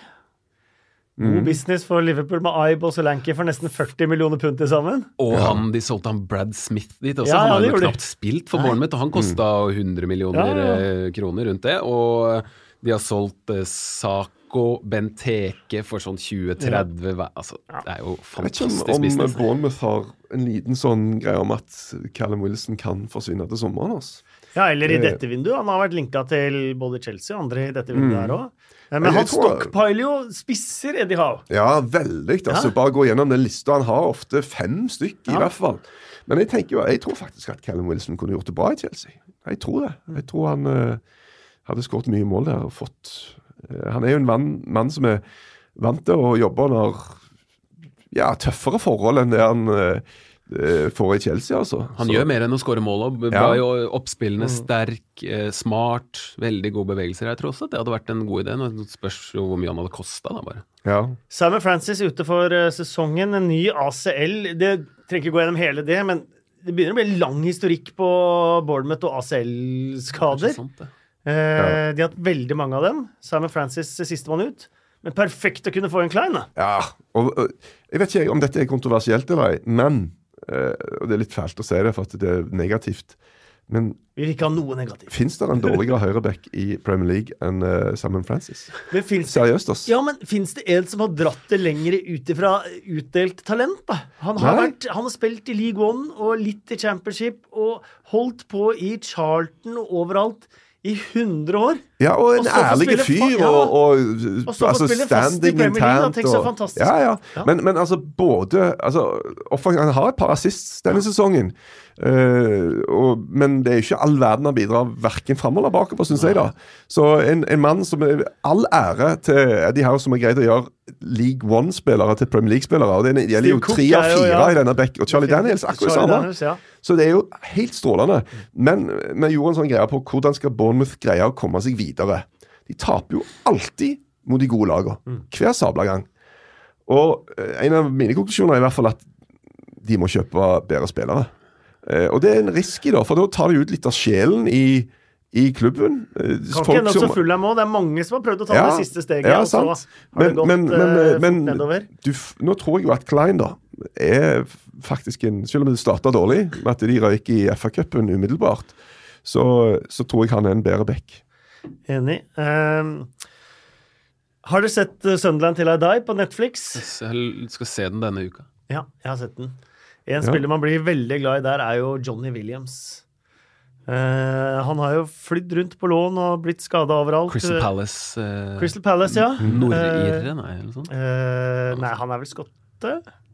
Jeg tror han var i EM, skjønner du. Jeg lurer på om det var derfor jeg ja. Waliser, jeg. Waliser, Helt riktig. Spilte under Coleman i, i Wales. Eh, men man trodde han skulle bli fantastisk god. Han var jo på vei i Crystal Palace inntil han brakk beinet, og så var han veldig god på lån i Ipswich, og så har han vært rundt, og man ble glad i Sunderland til Die. Nå er han i Charlton. Holder han seg skadefri. Lykke til, Johnny Williams. Virker som en veldig fin fyr. Christian Pulisic til Chelsea fra i sommer. Ja. Hva tenker vi? Jeg tenker at det, I utgangspunktet så er det jo kjempebra for Chelsea å få inn en så lovende spiller. Og, Men i konteksten med Hudson Yeah, Doy, som var sjansen. dit, dit vi Ja. skal. Nå har jo siden Pulisic, eller rundt da de eh, antagelig bestemte seg for å gå for han, og gikk for han, så har jo Hudson Doy virkelig blomstra. Og eh, han har jo ak Akkurat nå så er jo Hudson Odoi eh, like bra. Og det, men det, Og Bayern byr og byr og byr etter rapportene på Hudson Odoi. Ja, det ville vært veldig merkelig å kvitte seg med han og så få inn Pulisic. Det, jeg, eh, Og når, når Sarri blir spurt om han eh, skal kjøpe spiss, så, får han, så sier han at eh, jeg vil ha en ving. Det syns jeg er merkelig. Hvorfor eh, sier han det?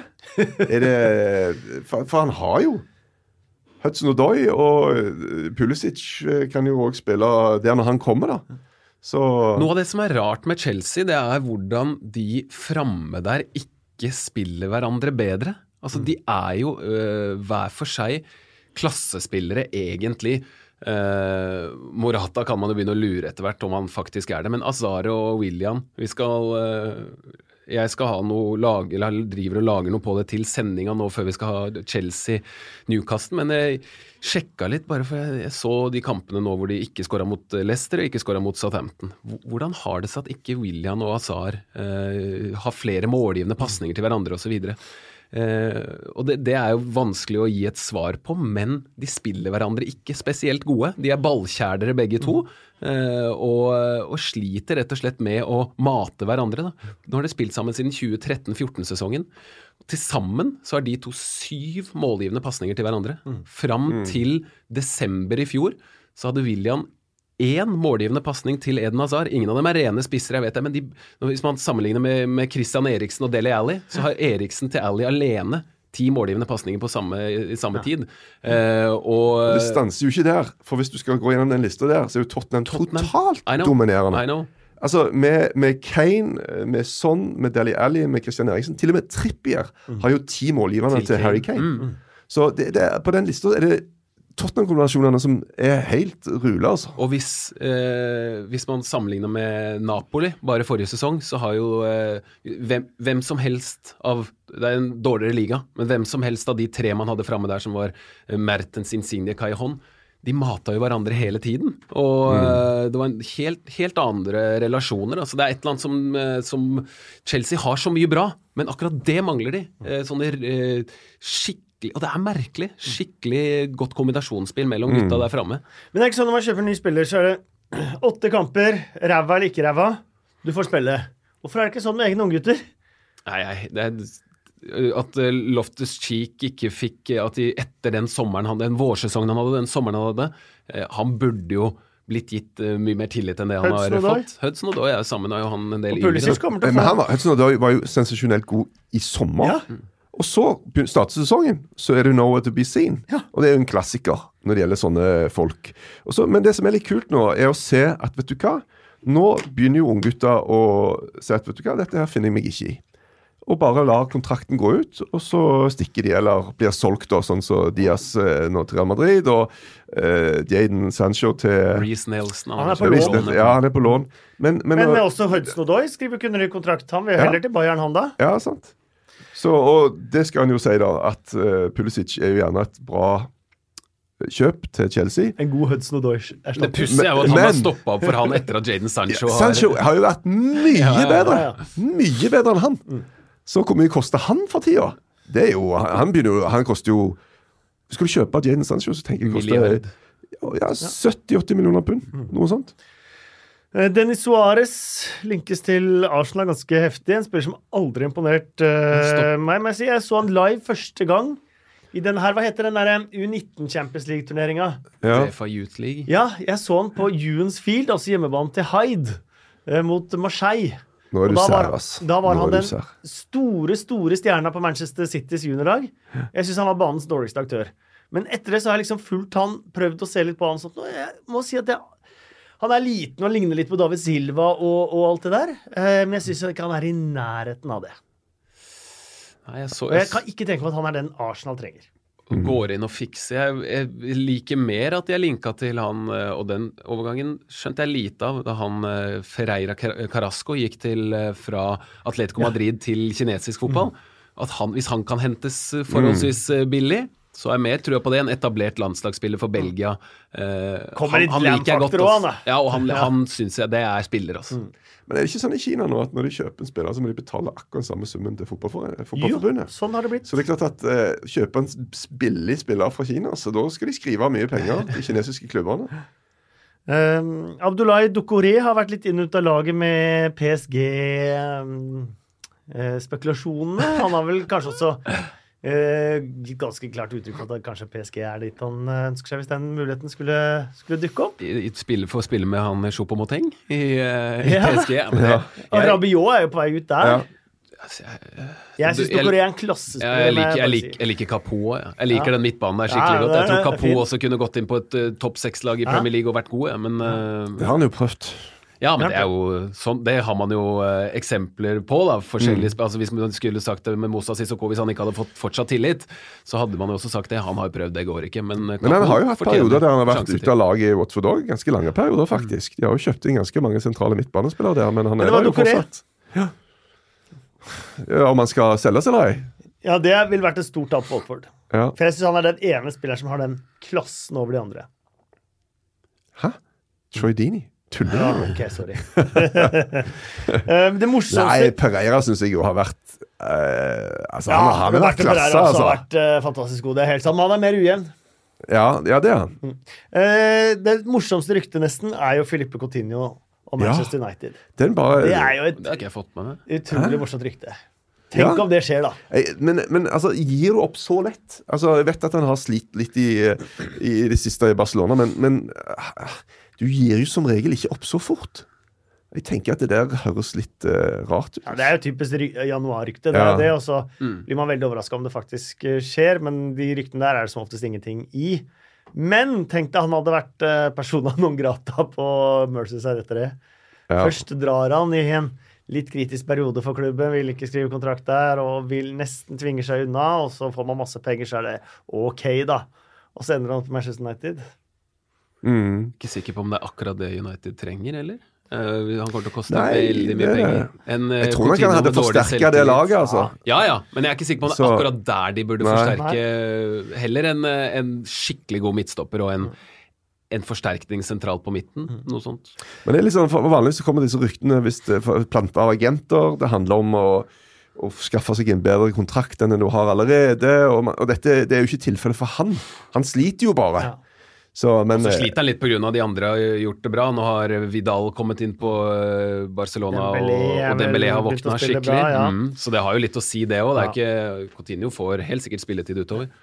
Uh, ifølge flere medier så kan Gonzalo Higuain ha skrevet under for Chelsea når man hører på denne podkasten. mm, Det hadde vært det hadde vært noe. Det hadde vært noe. Ja, det tror jeg Vi snakket om Callum Wilson, men, eh, men jeg tror kanskje dette alternativet er enda bedre.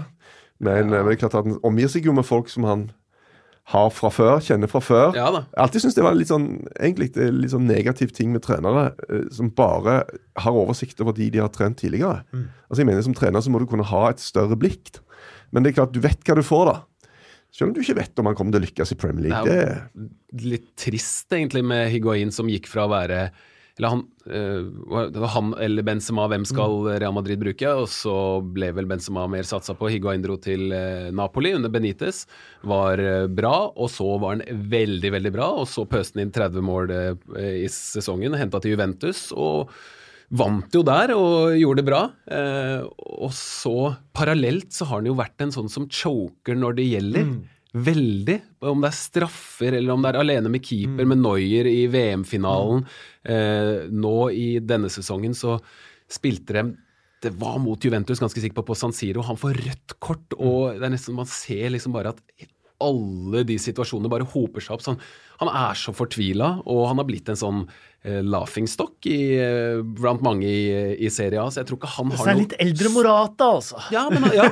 Han har ikke, jeg tror ikke han har, noe, han har ikke noe stort problem med å skifte beite, han akkurat Nei. nå. Så han, eh, en, en siste mulighet til å dra til Premier League. Hvis han har sjanse til det, så burde han gjøre det. Og han, på sitt beste så er han jo utrolig god, men det er bare det at kan han være ny Falcao. Definitivt. Vi har Bill Edgar igjen. Først skal vi gi uh, litt eh, vi, litt sånn, vi har jo ikke hatt en ordentlig podkast, en sånn ordinær podkast. Ordentlige podkaster har vi hatt, men ikke siden før jul. Uh, så er det noe vi kan gi en uh, julas Tenk deg julas skåringer, da. Julas blomsterbukett. Eh, er det Ole Gunnar Solskjær? Ja, jeg har skrevet det. Ja.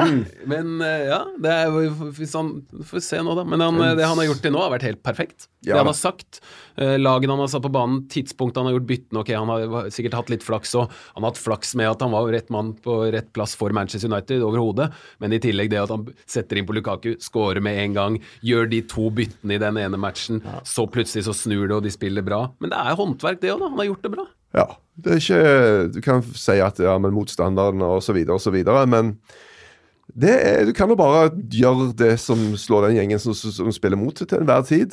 Og eh, Men det er jo eh, Jeg må innrømme jeg er allerede bitte litt lei den der bør han fortsette diskusjonen. Jeg visste det kom til å bli sånn, Ja. men vi trenger ikke ta den nå.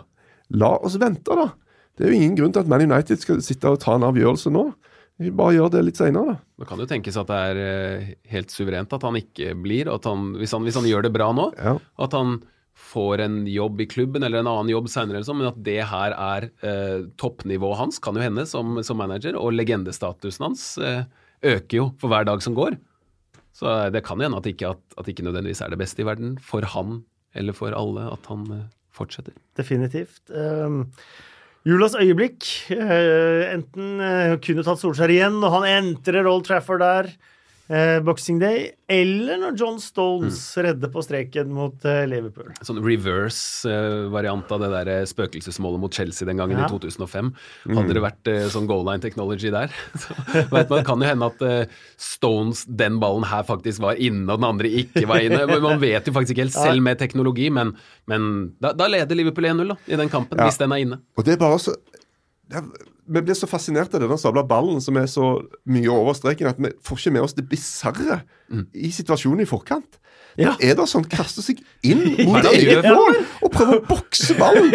Det bare sånn, Og Stones klinker ja, bare, Tenk, tenk, rekker han å tenke hva han gjør der? Er det jeg sånn, eller? aner ikke hva han egentlig For det er jo strid imot all du, I en sånn situasjon så vil du jo la de som er mellom eh, målet og ballen, prøve å klarere. Ikke liksom prøve å blokke det istedenfor. Men reaksjonen Merkelig. til Stones der er helt vanvittig. Og at han klarer ja. å snu seg rundt og klarere den på linja, er helt uh, sjukt. Jeg minner faktisk om at Bill Edgar kommer med en liten, uh, eller flere, morsomme uh, greier. Julas ukjente helt. Julenissen. Julenissen. Han er jo veldig ukjent. altså. Ja. Ingen vet helt hvem denne mannen Nei, er. Så han tar jo tur ned i skorsteinen hver, hver jul.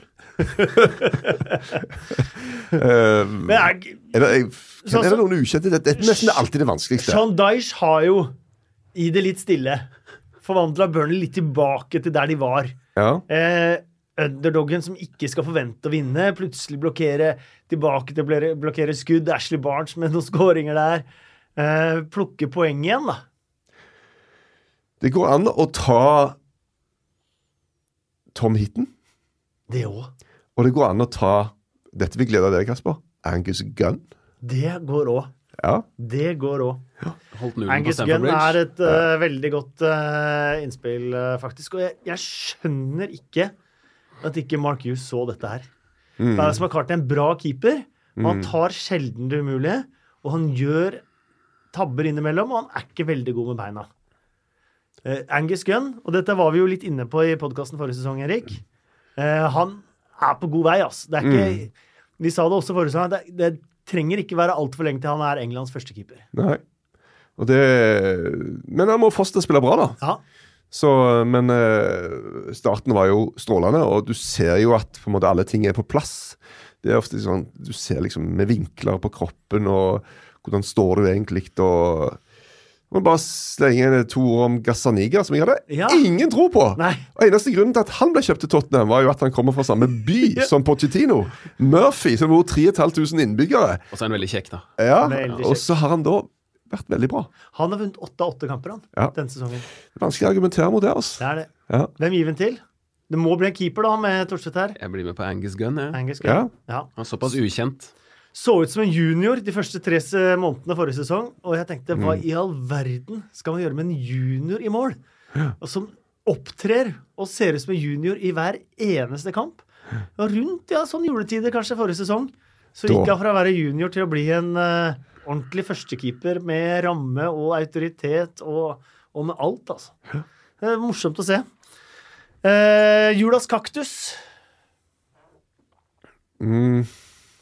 Det er lett å henge seg opp i litt sånn John Joe Shelby og litt sånn dømming og litt sånne ting. Ja, men det John Men- Joe Shelby Jeg vil inn til John Joe Ja, Shelby. Det han gjør i Altså, de Han skal være Vi, vi har snakka om det mange ganger før, spesielt vi, Erik. I, Mm. Gikk jo inn på noe sånn derre Menneskets uh, intelligens omtrent. uh, Anger management og full pakke. Men, men akkurat det han gjør der, syns jeg bare det, det er så lavmål, da. Og i det hele tatt gidde å gjøre det. Når du er en uh, i, på en måte fotballspiller i din beste alder, spiller for en så stor klubb, men laget er ikke bedre enn at du burde være en bærebjelke, en som setter et godt eksempel. Han Lascelles skal man si det samme om i den kampen.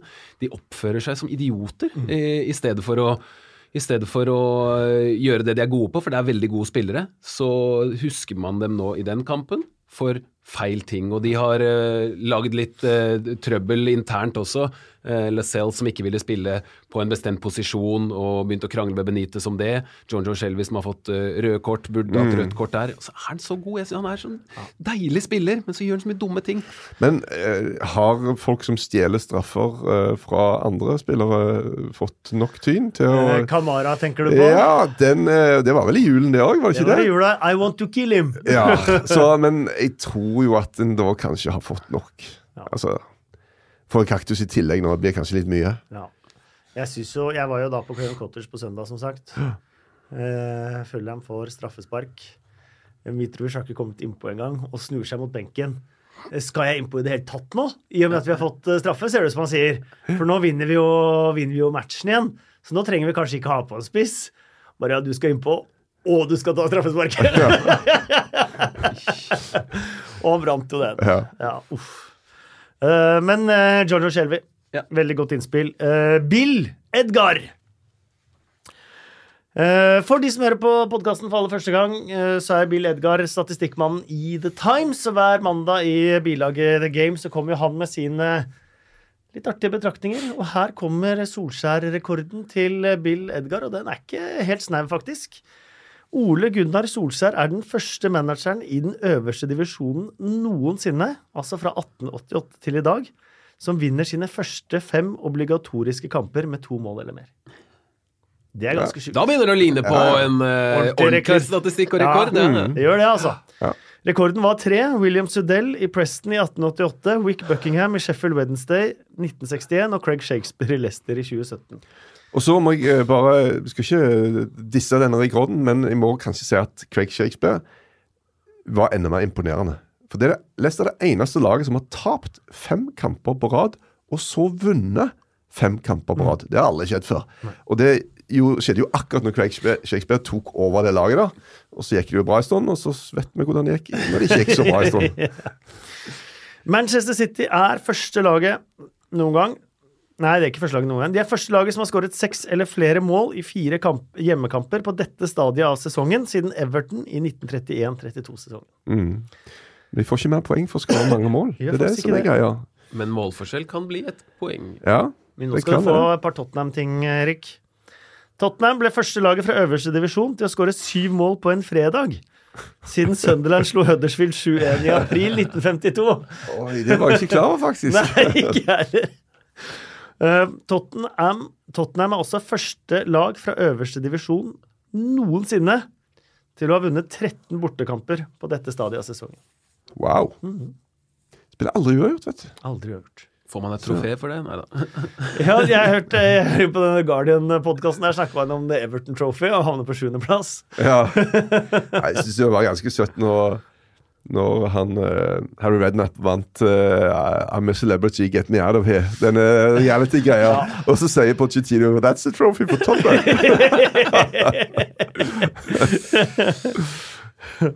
Um, denne sesongen har Manchester City tatt mot Leicester, som tapte mot Newport, som tapte 0-6 hjemme mot Yeovil, og som tapte hjemme mot Stockport fra nivå 6. er Stockport bedre enn Manchester City? ja, det tror jeg du kan si. Ja. Liverpools syv siste kamper fra før jul og til nå har kommet på syv ulike ukedager. Oi, Mm, det er det er spesiell. Ja. Huh. Huh. Fredagskamper er jo, og torsdag er jo veldig uvanlig, Ja. sånn sett. Tirsdag, onsdag, Champions League og Mm. Ja. Eh, da eh, har det gått så lang tid at vi får ikke til å ha så mange så mye Twitter-innspill, så vi kjører rett på og avslutter med fem kjappe spørsmål til dere to gutter. Mm. Hvem vinner FA-cupen?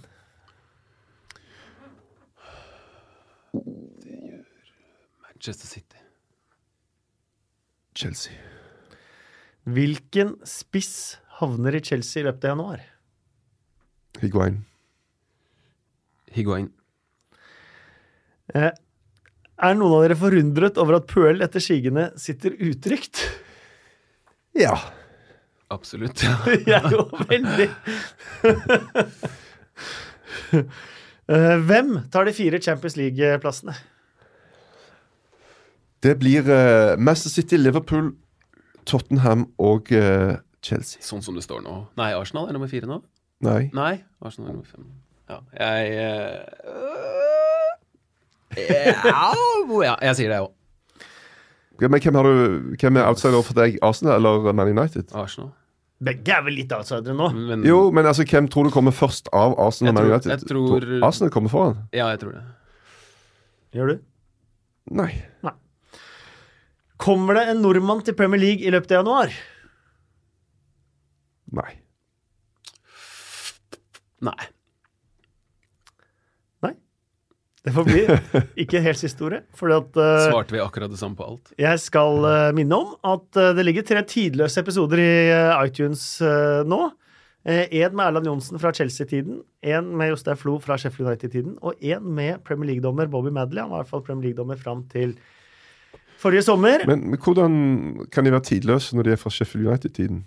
Ja, men De er tidligere sånn i forhold til å lytte på. Denne her podkasten vil jo bli utdatert etter hvert. De tre podkastene vil jo ikke være utdatert om du venter et halvt år engang. Vi kan ikke avslutte uten en god runde med kverulering. Nei, det er helt enig Hvordan er det mulig at Um, har du vært inne på iTunes gitt oss stjerne og kommentar, Erik? Ja, ofte. Hver gang. det er bra. Hele familien. Yes, det er bra. Gjør det med hele familien, uh, du også, som uh, hører på. Og ta gjerne kontakt med oss på 2plpod på Twitter. Erik, det var hyggelig å se deg igjen. Takk, det samme. Ja, Lagt på deg jula? Nei.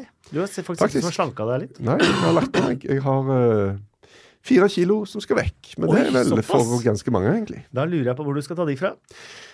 Eh, Simen har vel ett kilo bare på øya, tror jeg, som Ja, skal du skal ta vekk kilo på øya. Jeg Skal fjerne kula mi på øyelokket. Må du Må du operere? operere? Nei, det er bare å stikke en høl på den. sånn, Jeg vet ikke, men jeg tør ikke gjøre det selv. Jeg er glad jeg ikke skal gjøre det.